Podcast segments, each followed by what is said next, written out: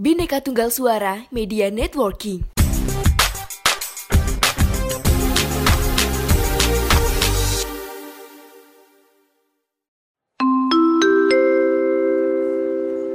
Mohon perhatian. Sekali lagi kami sampaikan, bikin podcast dengan Anchor dijamin gampang. Gak percaya? Langsung buktiin aja. Anchor, teman setia podcaster.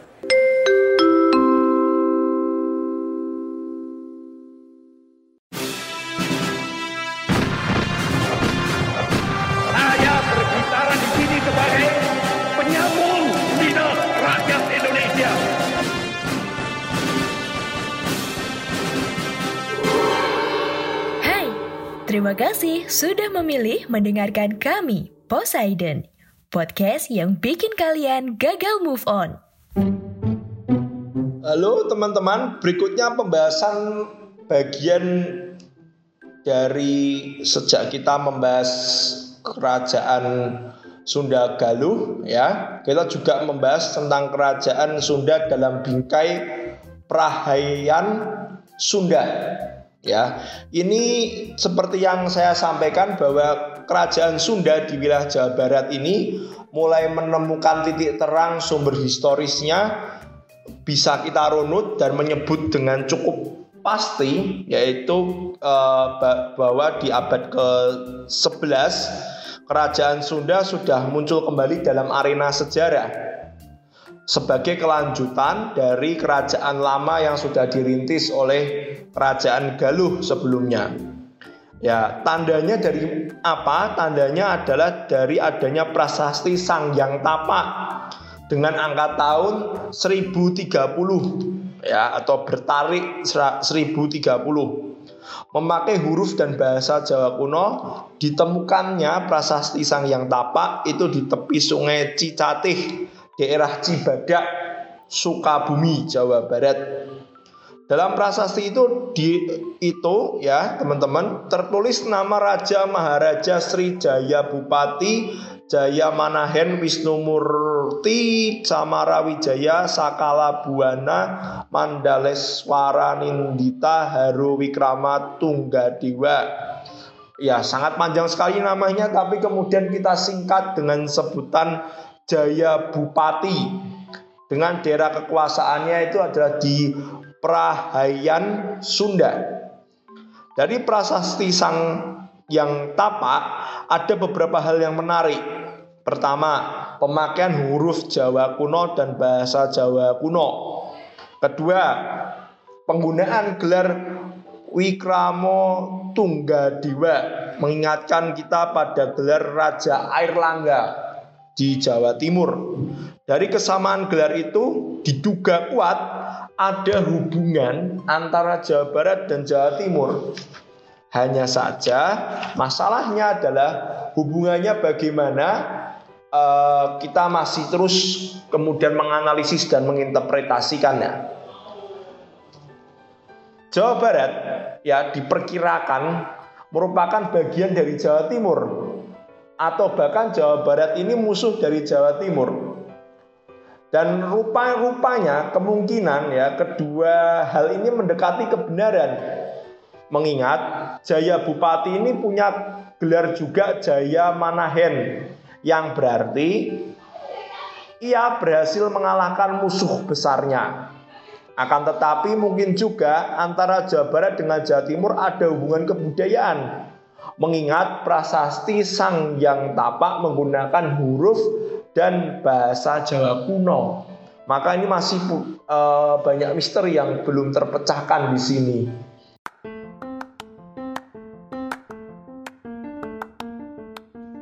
Halo Sobat Poseidon, kalian pasti sudah tidak asing lagi dengan Anchor. Yap, aplikasi penyedia jasa untuk para podcaster pemula dan juga pro. Buat kalian yang pengen mulai nge-podcast, langsung download aja Anchor di App Store ataupun di Play Store. Di sana, kalian bisa nge-podcast dengan banyak banget pilihan background musik. Setelah itu, kalian bisa mempromosikan podcast kalian ke mana pun.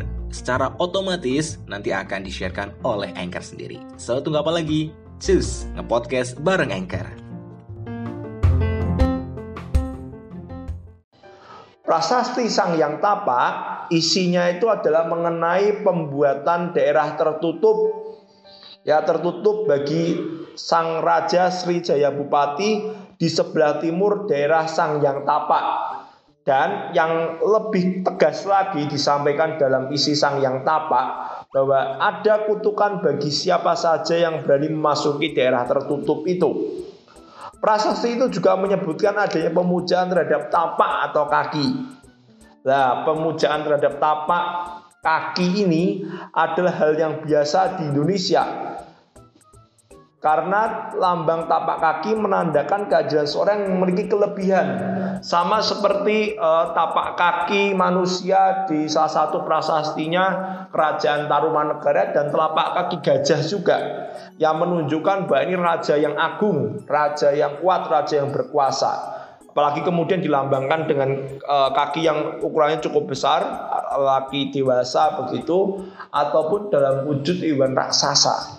Nah ini perlu juga untuk uh, ya kita pahami bersama ya. Kemudian dari gelar Jaya Bupati uh, yaitu Wisnu Murti dapat diduga juga bahwa agama ini yang dianut dalam uh, bingkai kerajaan Sunda atau Parahyan Sunda itu adalah ajaran agama Hindu beraliran Waisnawa atau pemuja Wisnu. Nah, hal ini sama dengan agama yang berkembang di Jawa Timur pada waktu itu yang benar-benar mengagungkan zaman pemerintahan Raja Erlangga yang dijuluki pula Erlangga itu adalah titisan Dewa Wisnu. Carita Parayangan tidak menyebut nama Jaya Bupati, tetapi menyebutkan raja pada waktu itu dengan nama Sang Rakyat Dharma Siksa. Dan rupa-rupanya juga sang rakyat Dharma Siksa sama dengan Jaya Bupati. Maka ini klop ya. Dan menurut cerita Parayangan, sang rakyat Dharma Siksa adalah titisan Wisnu. Nah, lebih lengkap lagi nih teman-teman. Dan dalam hidupnya ia membuat beberapa daerah tertutup. Misalnya tertutup bagi perburuan. Nah, ini juga kita bisa analisis bahwa ya ada daerah-daerah yang kemudian harus diselamatkan dalam konteks ekologis juga, termasuk daerah-daerah larangan. Dan uh, ini cukup menarik ya teman-teman pembahasan mengenai kerajaan Sunda yang kemudian satu uh, bingkai besar dengan kerajaan Sunda.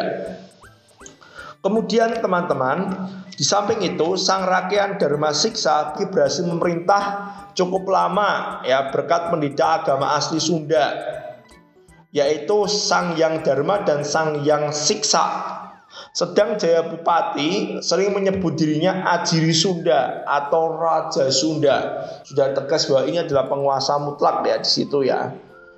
Dan mestinya sebagai Raja Sunda, Jaya Bupati akan selalu minta dukungan dari pendeta agama asli Sunda yaitu Sang Yang Dharma dan Sang Yang Siksa. Pusat pemerintahan kerajaan Prahyang Sunda mula-mula di daerah Saunggalah kemudian dipindah ke Pakuan Pajajaran. Jadi sama seperti analisis kita di awal, perpindahan ibu kota itu sesuatu yang tidak bisa dipungkiri ketika kemudian daya dukung untuk mempertahankan e, ibu kota, logistik, kebutuhan makan, pertahanan itu sudah tidak mendukung, maka perpindahan menjadi sesuatu yang mutlak ya. Kemudian pusat pemerintahannya dipindah ke Kawali. Kawali itu kalau diurut sejarahnya dan geografisnya itu berada di wilayah Kabupaten Cirebon.